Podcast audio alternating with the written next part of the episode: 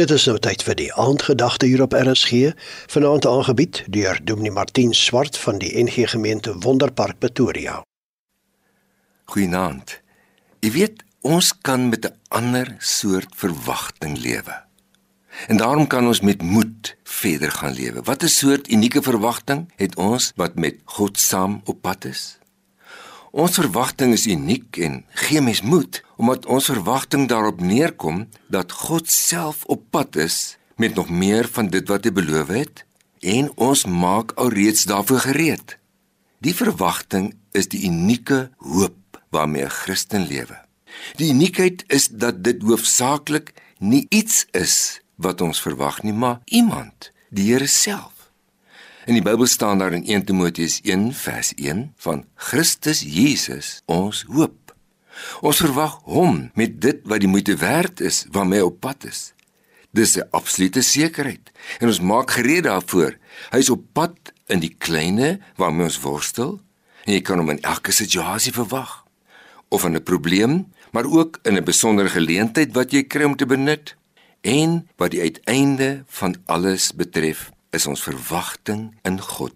Dit is wat Bybelse hoop is. God op pad. Ek het 'n verwagting. Ek maak reeds gereed. Hy bring wat ek die nodigste het. Waarmee hy vir jou op pad is, is gewoonlik beter en verrassender en sinvoller as wat jy kon wens. Ons wense is gewoonlik kortsigtig en selfgesentreerd. Die God van die Bybel word 'n God van hoop genoem waar hy ruimte gegee word in 'n mens se lewe, kan jy gereed maak vir iets spesiaal van hom af wat op pad is, beter as my wense. Hy word ook in Romeine 15 vers 13 letterlik God van hoop genoem. En in Psalm 39 vers 8 vra die skrywer, soos ek en jy miskien baie keer self ook vra, is daar nog hoop vir my Here?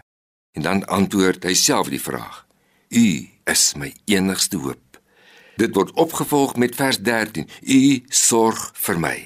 Waarop hoop jy? Kom nou in geloof en sê vir hom, U is my enigste hoop. Verwag hom dan op pad met die spesiale soos wat jy nodig het.